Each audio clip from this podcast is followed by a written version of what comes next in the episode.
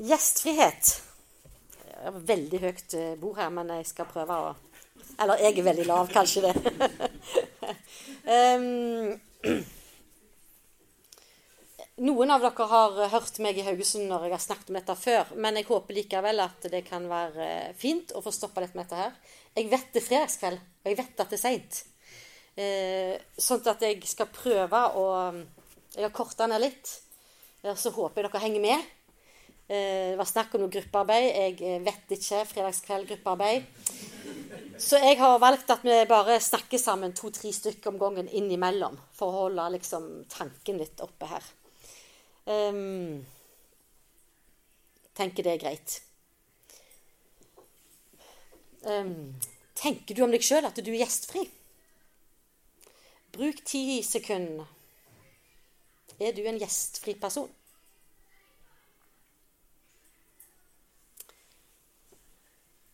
Og så tenker jeg, så går vi til mm, naboen din og så spør tenker han om deg som en gjestfri, gjestfri person.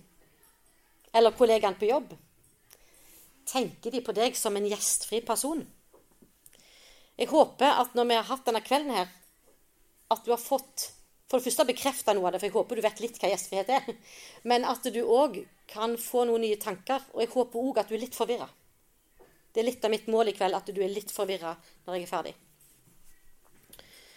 Eh, jeg er veldig inspirert av denne boka her til Henry Nowen, 'Å søke en helhet', der han skriver mye om dette her. Og det er så utdypende at det jeg gjør nå, det er så leit i forhold til det Så det er godt at han ikke tilhører det her nå. Men, eh, så jeg anbefaler å fordype dere i den boka seinere. Um, ehm, for han mener at gjestfrihetsuttrykket er veldig utvatna i dag. Og det er litt det jeg kommer til å snakke litt om, da. Um, ja. Hvis vi ser litt på ordet gjestfrihet Det er egentlig satt sammen av gjestfrihet. Det å sette gjesten fri. Det er altså ikke først og fremst noe du gjør, men det er først og fremst noe som skjer hos den du møter. Det er den som er aktiv i dette som er ordet gjestfrihet. Det er rett og slett å sette gjesten fri. Um, skal vi se um, På gresk så betyr gjestfrihet Dette der, Stramma dette opp. Eh, på gresk så betyr gjestfrihet kjærlighet for den fremmede. Allerede der kan det være at vi er nødt til å revurdere vår egen oppfatning av gjestfrihet. Um, men vi kjenner igjen verset fra Matteus 25. For jeg var sulten, og dere ga meg mat. Jeg var tørst, og dere ga meg drikke. Jeg var fremmed, og dere tok imot meg. Jeg var naken, og dere kledde meg. Jeg var syk, og dere så til meg. Jeg var i fengsel, og dere kom til meg. Veldig tydelig diakonal tanke rundt det å være gjestfri. Dere tok imot meg. Og så har vi fra tredje Mosebok når en fremmed bor hos dere i deres land, skal, da skal dere ikke undertrykke ham. Den fremmede som bor hos dere, skal regnes som en innfødt blant dere, og du skal elske ham som deg selv, for dere har selv vært fremmede. Du skal elske din fremmede som deg sjøl. Og her ser vi at gjestfrihet har òg noe med en holdning å gjøre. En holdning mot våre medmennesker. Kanskje sitter vi og tenker at gjestfrihet først og fremst hører til de som er litt eh, ekstrovert, sosiale, litt ordentlige, sånn at de har eh, lett for å be folk hjem til seg. Um, det kan være en del av gjestfrihet, men det blir veldig snevert som stopper der. For her er det snakk om en holdning.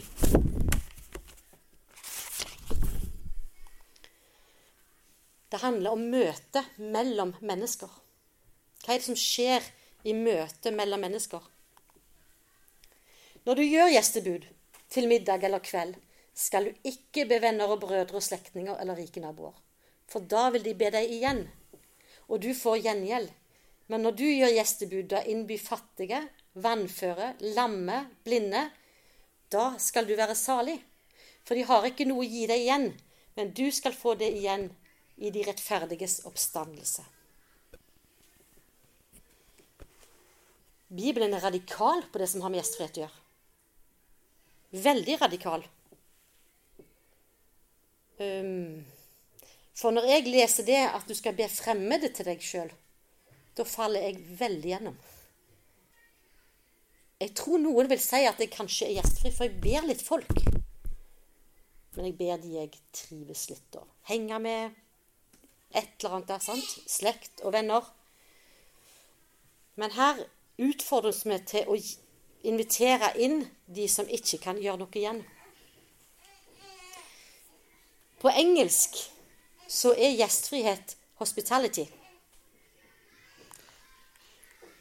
Hospitality er jo et sykehus. Se for deg et feltsykehus som på en måte blir et bilde på gjestfrihet. Vi skal ta inn folk som er i nød, og som trenger noe fra oss.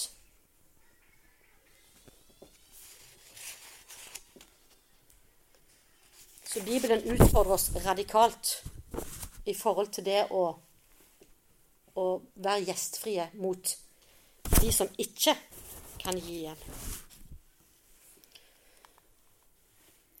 Romerne 12, 13. Jeg begynner med en del bibelstoff her. Legg vind på gjestfriheten.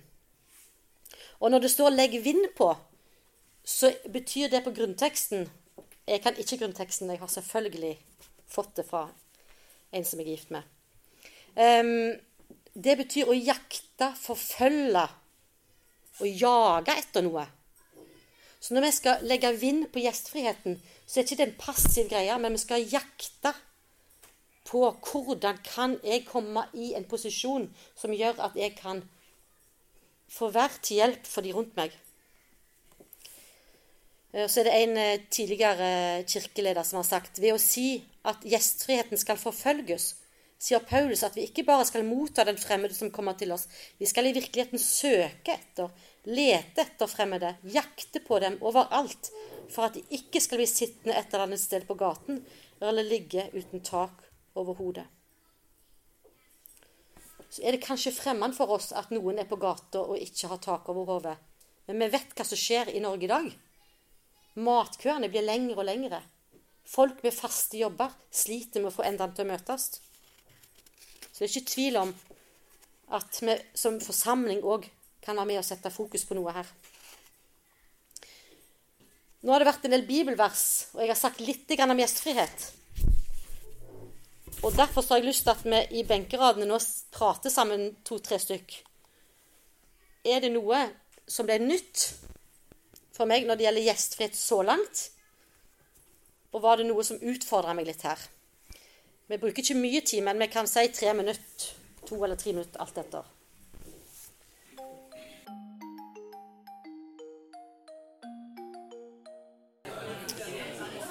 OK. Da fortsetter vi. Tre minutter går fort når vi har det gøy.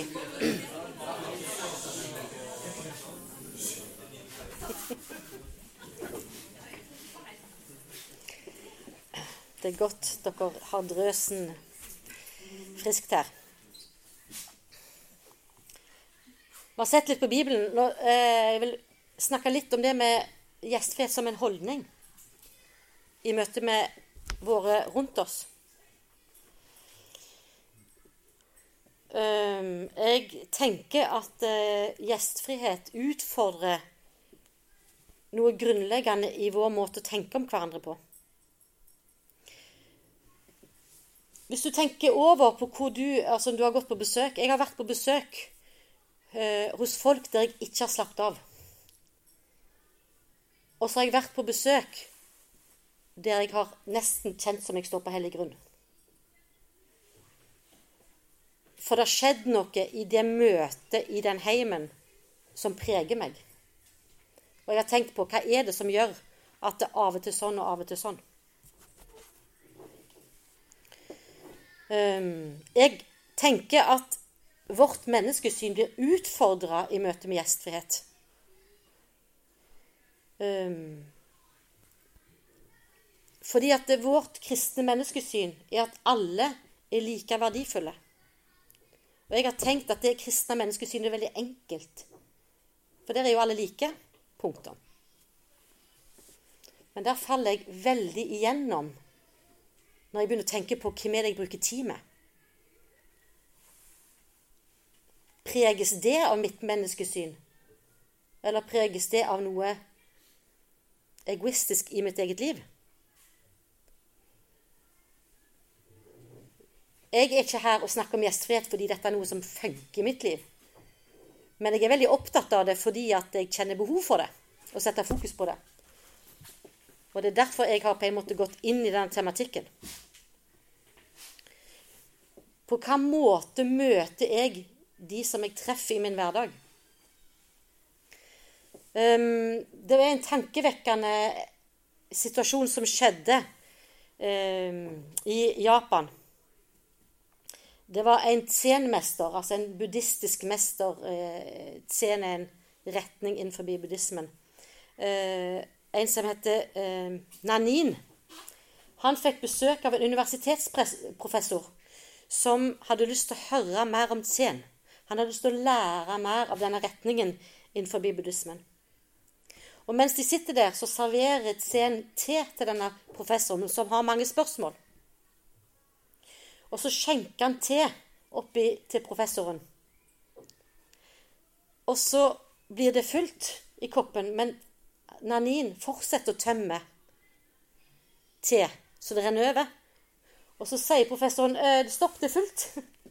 Det er fullt. Det går ikke mer oppi her. Og så sier Nanin akkurat som denne koppen er full, er du full av dine egne tanker og meninger hvordan kan jeg nå få lov å fortelle deg om Zen? Jeg kan ikke gjøre det før du har tømt din egen kopp. Jeg tror vi er nødt til å tømme litt oss sjøl for å være i stand til å ta imot de vi treffer i vår hverdag. For vi er ofte veldig fulle med det vi tenker sjøl.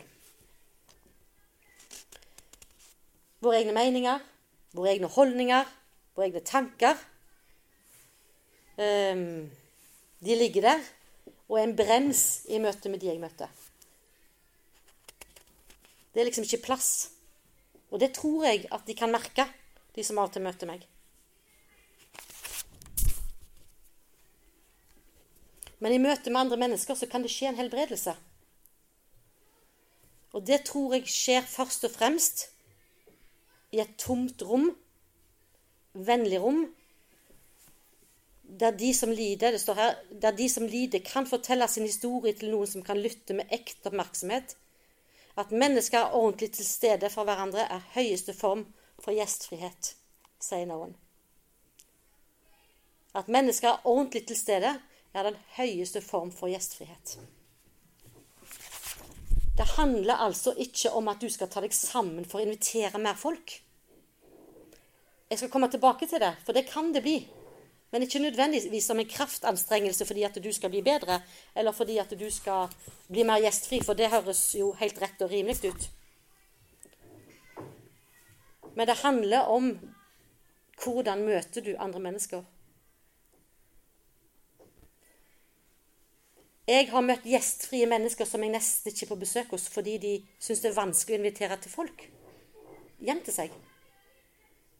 Men de har invitert meg inn i livet sitt med å invitere på en tur der vi har fått gode samtaler. Ifølge noen så er det en høy uh, At det er gjestfrihet i høy grad.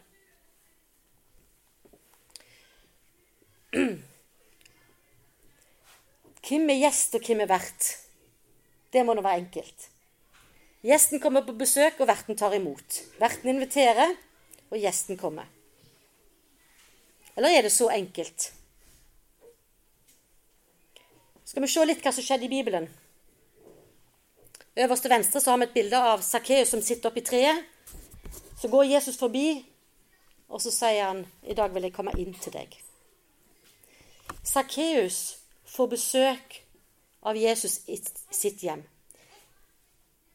Sakkeus er verten, og Jesus er gjesten. Men i det møtet så inviterer Jesus Sakkeus inn i sitt liv.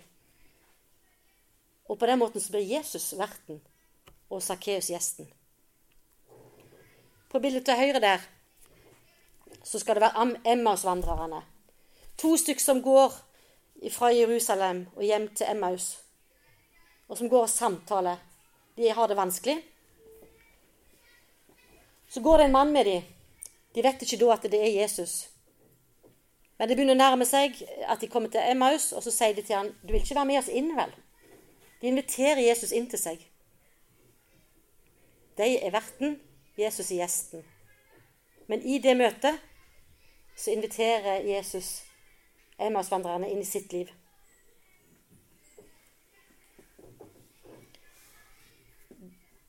Noen sier at når gjestfrihet fungerer maksimalt, så viskes skillet mellom gjest og vert vekk.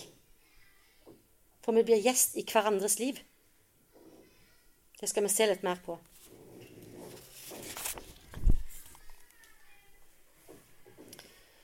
Det bildet der, flott bilde, kanskje noen har det. Det er Oskar Jansen som har malt den. Om den bortkomne eller hjemkomne sønn, alt dette sånn. Her er det en far som tar imot sin sønn.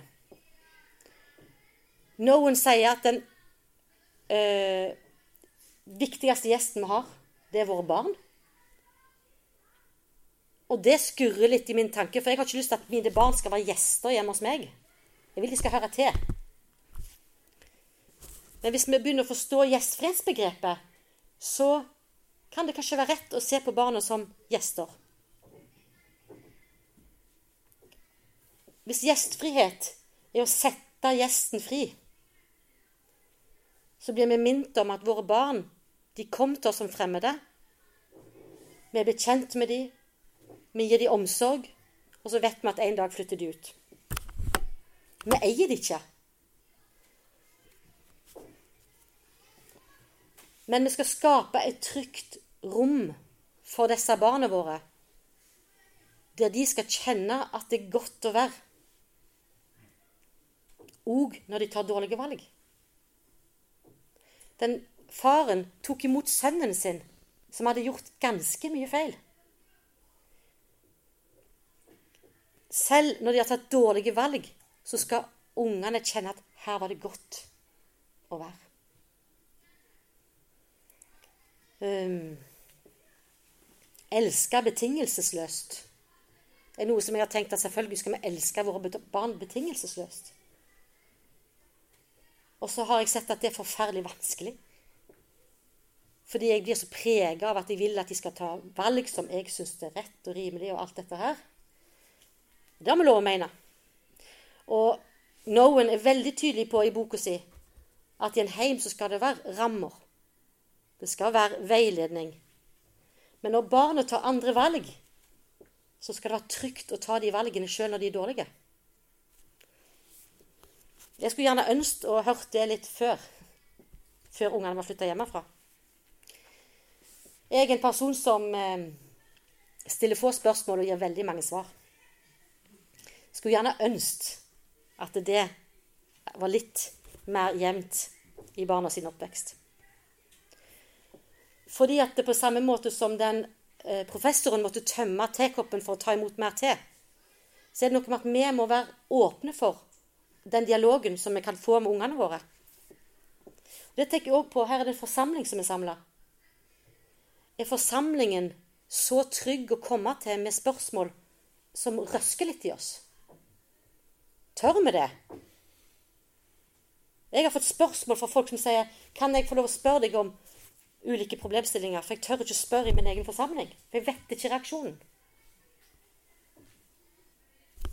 Nå er det av og til godt å snakke med andre utenfor forsamlingen, så det er ikke noe galt i seg sjøl, men, men, det er likevel noe med det. Er det trygt nok for disse spørsmåla som røsker litt i oss?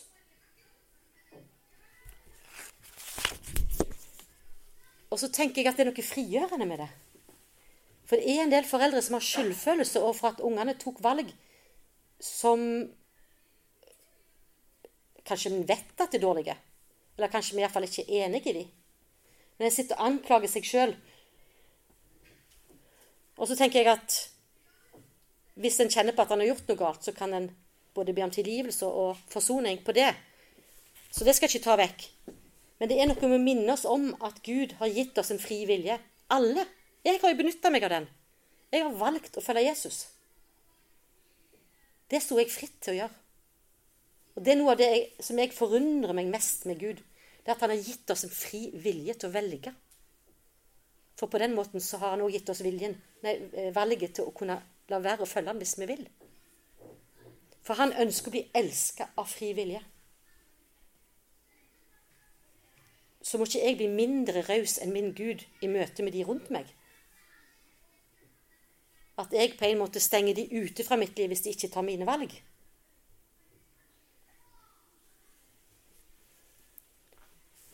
Så det er noe frigjørende med å se at barna våre, de står fritt. Men vi skal gi dem et rom der det kan samtales trygt og godt. Det skal vi. Men se litt på det bildet der. Jeg syns det er et vakkert bilde. For det som jeg syns er vakkert med det òg, det er flere ting. Det at det, er det sønnen som kommer hjem til faren, eller er det faren som kommer hjem til sønnen? Det kan være begge deler.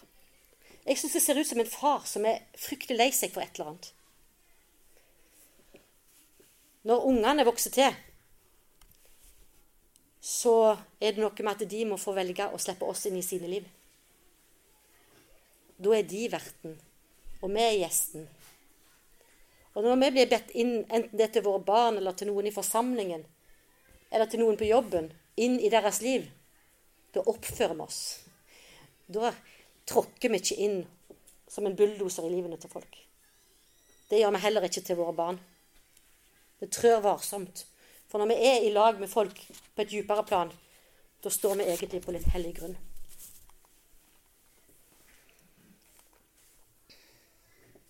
Om å la seg forstyrre. 1. Peter 4,9. Der står det noe om gjestfrihet som jeg syns er litt snodig. Det står 'gjestfrihet'. Vær gjestfrie uten knurr.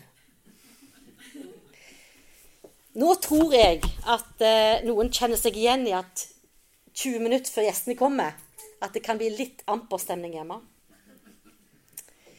At det blir sånn eh, Nå har jo jeg eh, forska litt på dette her ekteskapsstudiet, og det er jo faktisk stolt forskning som forteller at menn tror de gjør mer enn det de faktisk stolt gjør. Så så um, Rett før en skal ha besøk, så skjønner jeg at det kan bli litt sånn knurrete. Men det er ikke det som er meint her i teksten, tror jeg. Jeg tror ikke det er den knurren. Og den går fort over. Når gjestene kommer, vet du, da er det sånn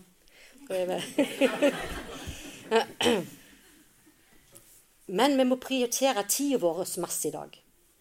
Sant? Det er um, Forstyrrelser i livet vårt blir egentlig sett litt på som et onde. Fordi at det, vi lever sånne liv. Jeg sier av og til at vi lever uten buffer. At vi lever uten å ha et slingringsmonn i hvordan ting skal gå. Forpliktelser er jo noe vi ser mindre av i dag. Vi snakker om å finne balansen i livet, som egentlig kan være greit. Men hvis balansen i livet er at bare jeg skal ha det godt, jeg skal finne en balanse som gjør at jeg kjenne at jeg lever sånn som jeg ønsker nå, så tror jeg ikke det er det Bibelen ønsker med livene våre. Det Jesus ønsker med livene våre. For da blir jeg sentrum. Det blir veldig selvsentrert.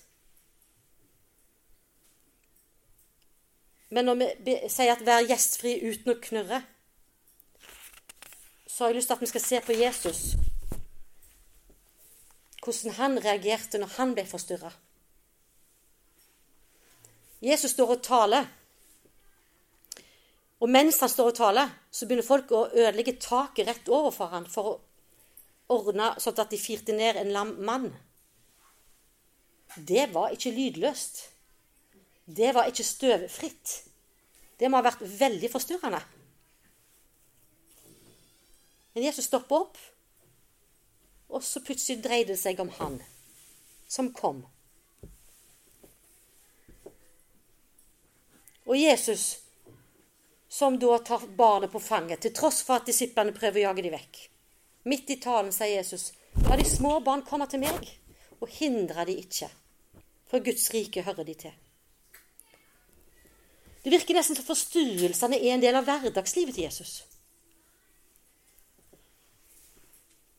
En professor jobba på universitetet, og det likte han. Holde på med fagfeltet sitt. Men han var ganske irritert, for han fikk så mye besøk av studenter på døra som forstyrra han. Helt til han skjønte at det var jo disse jeg jobba for. Det er disse som jeg egentlig skal jobbe med. Og plutselig ble forstyrrelsene en del av mulighetene i hans jobb. Gjestfrihet handler rett og slett om å la seg forstyrre. Og så er det i disse forstyrrelsene at det faktisk kan skje gode ting. Da må vi stoppe litt opp. Kan vi kjenne oss litt igjen i den historien om tekoppen? Når han helte te på selv om det var fullt. Er vi fulle med egne tanker og fordommer i møte med de vi møter?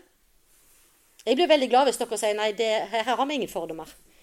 Um, men jeg har jo skrevet dette ut ifra meg sjøl, så da um, Jeg kjenner på det. Og hva tenker vi om å være gjestfri uten å knurre? Vi bruker tre-fire minutter på det òg. Vær så god.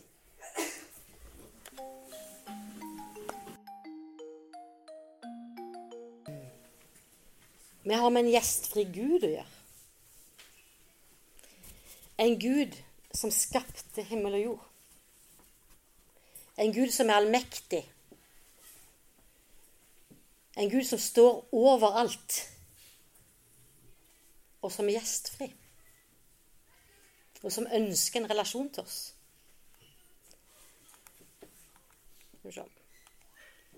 Vi har en Gud som lar seg forstyrre. Vi har òg en Gud som elsker oss ubetinga.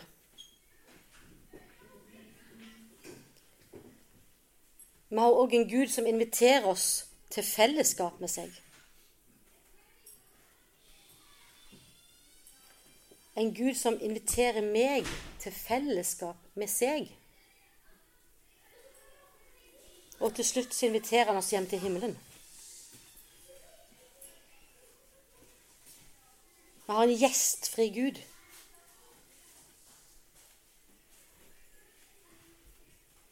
Når jeg faller når jeg tar valg som ikke var etter Guds vilje, og som jeg så ofte gjør, så står han der med åpne armer og tar imot. Det handler gjestfrihet om. Ta imot med åpne armer de som er rundt oss.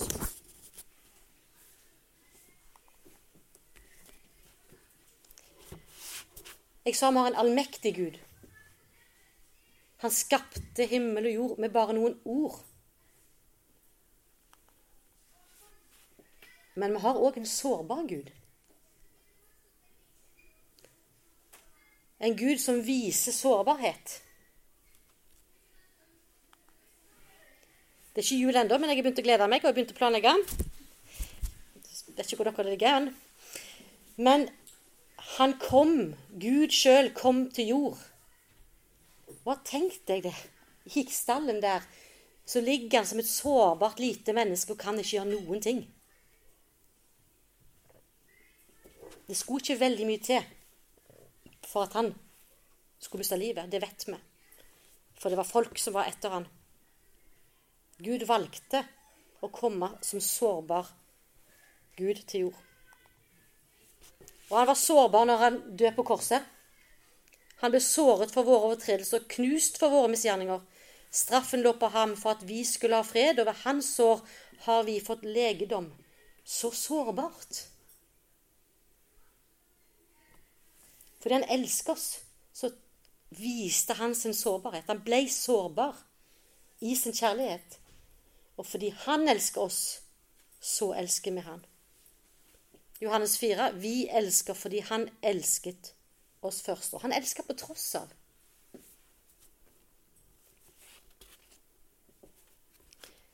Gjestfrihet og sårbarhet er faktisk at det ikke er motsetninger.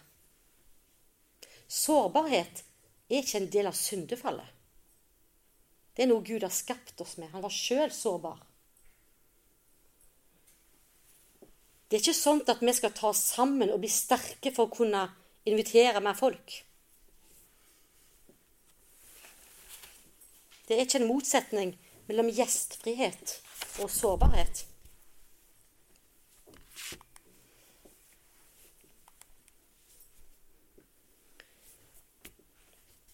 Der sårbarhet blir en styrke. Jeg tror vi tenker litt lett at sårbarhet er en svakhet. Noe vi egentlig skal jobbe litt imot. Jeg har heller lyst til å snu det litt. Er dette noe som faktisk talt Gud ønsker at vi skal være på en plass der vi er sårbare, for at det da kan skje noe her?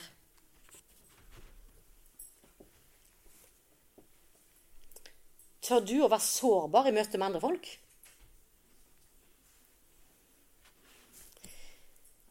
Det er noen her inne som har fridd til ektefellen sin. Da var en sårbar. Iallfall hvis de ikke visste om det. Um, den som ble fridd til, selvfølgelig. Um, fordi du kan bli avvist. Du tar en sjanse, og du kan bli avvist. Oftest så vet en jo litt. Men det å vise sårbarhet er en risiko, for du kan bli avvist. Når vi møter andre mennesker og viser litt sårbarhet, så er det en risiko på å oppleve seg avvist. Um, men jeg tror likevel at vi skal gjøre det, fordi jeg tror det kan skje noe i de treffene.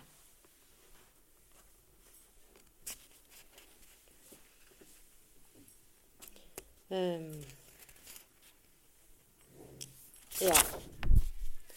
Jeg kan, eh, skal vi se om vi bare hvor det kommer hen. Ja. Um, når noen eh, Jeg tror vi alle har litt lyst til å være gjesten som Nei, eh, verten. Fordi vi tror at der ligger styrken, på en måte. Altså at eh, Når noen gjør noe for meg, når noen gjør en handling for meg for å være god med meg, så kan jeg bli litt brydd. Så sier men det var da ikke nødvendig. Det skulle du ikke ha gjort. Så setter jeg den andre i en litt forlegenhet i forhold til at den har faktisk hatt ønsk noe for meg. Den har vist meg noe. Sin sårbarhet. Da skal vi være litt obs på hvordan vi svarer. Da skal vi kanskje stoppe litt opp og si 'tusen takk'.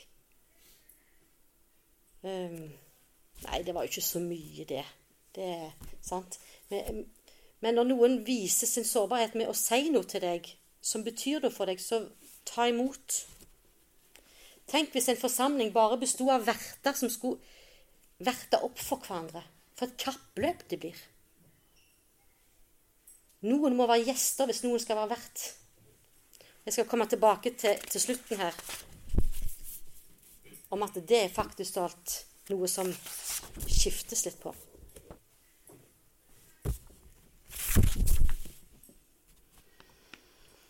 Um, vi har en tanke om at det å være gjest er svakt, og det å være vert er sterkt. Det kan være at ikke dere tenker sånn. Jeg tenker litt sånn. Jeg må liksom ta meg litt sammen for å be besøk. Og... Men det fører meg egentlig til det noen kaller for gjestfrihetens utdanning. Så hvis dere har tenkt nå at jeg har lyst til å bli mer gjestfri, så kommer løsningen her i kveld på det. Ja, dette har vi snakket om. Å være ordentlig til stede for hverandre er den høyeste form for gjestfrihet. På dette har vi lært kjærligheten å kjenne, at Han satte livet til for oss. Mine barn, la oss, elske, la oss ikke elske med ord eller tunge, men i gjerning og sannhet. Gjestfrihet handler ikke først og fremst om å ta seg sammen og invitere mer folk. Det er ikke en slags ta seg sammen-teologi. Men Gud ber oss om å gi avkall på oss sjøl. Han spør om vi er villige til å være mer åpen for forstyrrelser i hverdagen vår. Å bli mer gjestfri det er ikke å bli sterkere og få mer styrke til å ta seg sammen, men at Gud får bruke oss i, sin, i vår svakhet. At vi blir mindre redde for hverandre, og at vi blir mer åpne for hverandre og denne verden her. Mindre redd og mer åpen. Så det å gå gjestfrihetens skole handler først og fremst om å um, å gi avkall på seg sjøl og mer avhengig av Jesus. Og så er det noen som har en særlig kan si nådegave eller en utrustning til å være gjestfrie i sånn som vi tenker ordets forstand i forhold til å invitere hjem og sånt. Eh, det er fantastisk at vi har noen som bare har den evnen til å ikke bare invitere, for det er ikke nødvendigvis det å slappe av, men å skape en atmosfære når folk kommer hjem til dem. Her var det godt å være. Her kan jeg få lov å være. Her, her kjenner jeg meg fri. Um, kjempeflott og viktig at noen har det. Og vi så jo i starten her Det er en diakonal tanke å være gjestfri. Vi blir kalt til å invitere til de som trenger det. Sånn at eh, det er både gjestfrihet inn mot det som vi skal gjøre mot andre, men det er òg en holdning, og det er det jeg brenner veldig for å få fram. Det er en holdning i møte med våre mennesker. Det utfordrer menneskesynet mitt på hvordan jeg prioriterer. Jeg vil ikke gi avkall på meg sjøl i dagens samfunn, kanskje helt sikkert før òg, men i dagens samfunn er det så motstridende til det vi blir opplært til. Finne balansen i livet, sette våre grenser, som absolutt rett. Men det må ikke gå i veien for at vi skal gi avkall på oss sjøl og bli preget av Kristus.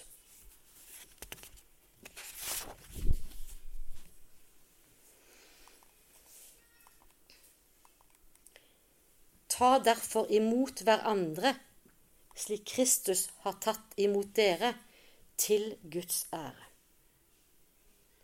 Ta derfor imot hverandre. En gang deg, en gang meg. På hvilken måte skal vi ta imot hverandre? Jo, sånn som Kristus tok imot dere. Også til Guds ære.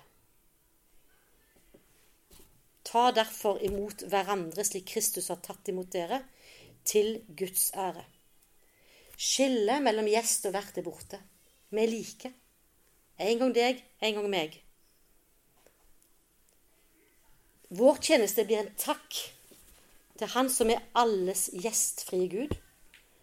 Den guden som vi så her som faren, som strekker armene mot oss, og så sier 'kom'. Og så er det det som skal prege måten vi tenker på i møte med de som vi kommer i møte. Ta derfor imot hverandre slik Kristus har tatt imot dere, til Guds ære.